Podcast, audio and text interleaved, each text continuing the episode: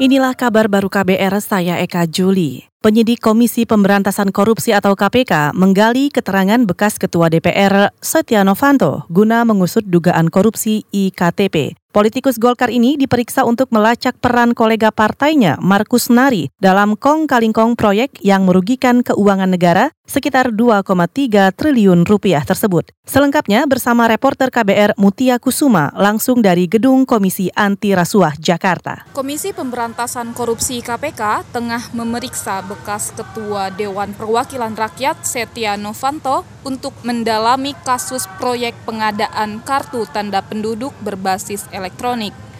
Politisi Golkar ini diperiksa dengan kapasitasnya sebagai saksi atas ex anggota Komisi 2 Dewan Perwakilan Rakyat Markus Nari Setia Novanto telah tiba di gedung KPK Merah Putih Kuningan pada Rabu pagi. Selain Setia Novanto, KPK juga memeriksa bekas Dirjen Dukcapil Irman dan narapidana bekas Direktur Pengelola Informasi Administrasi Kependudukan Kemendagri Sugiarto.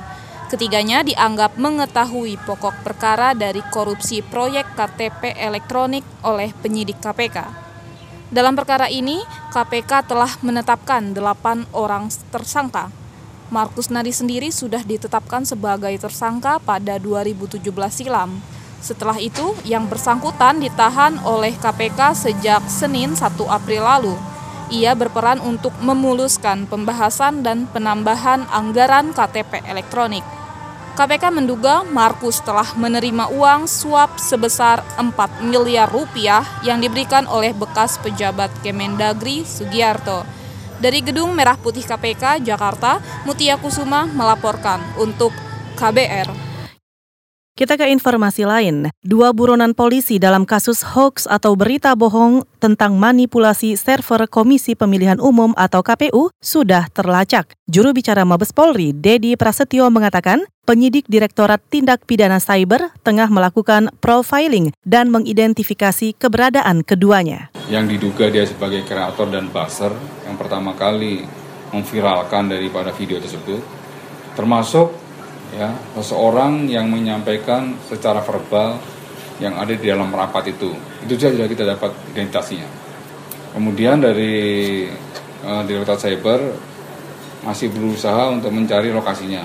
Sampai dengan tadi malam sudah ada dua lokasi Juru bicara Mabes Polri Dedi Prasetyo juga menjelaskan dua lokasi itu ada di daerah Jawa Tengah dan Tangerang. Meski begitu, ia belum bisa memastikan keterkaitan antara dua buronan itu. Menurutnya, setelah tertangkap, keduanya bakal langsung ditetapkan sebagai tersangka dan ditahan. Saudara Menteri Riset Teknologi dan Pendidikan Tinggi membanggakan posisi Indonesia sebagai penghasil startup di level internasional. Menurutnya, Indonesia kini menduduki peringkat satu untuk ASEAN dan kelima di dunia. Muhammad Nasir mengklaim terjadi perkembangan pesat sepanjang 10 tahun terakhir. 1307. Dari 1307 itu kita pisahkan yaitu perusahaan pemula berbasis teknologi yang sudah masuk dalam industri dan calon perusahaan pemula berbasis teknologi. 1307 yang 558 itu perusahaan pemula berbasis teknologi. Ini sudah. Yang sisanya adalah calon perusahaan pemula berbasis teknologi. Ini yang lompatan yang luar biasa. Menteri Riset Teknologi dan Pendidikan Tinggi Muhammad Nasir juga menuturkan jumlah proposal inovasi dan teknologi kian meningkat. Ia menyatakan tahun ini pemerintah juga menganggarkan 400 miliar rupiah untuk proses pembinaan dan pembekalan calon startup pemula. Dukungan bukan saja dari segi suntikan dana permodalan, melainkan juga infrastruktur lain. Di antara keahlian dalam teknologi juga pembekalan daya saing komersial.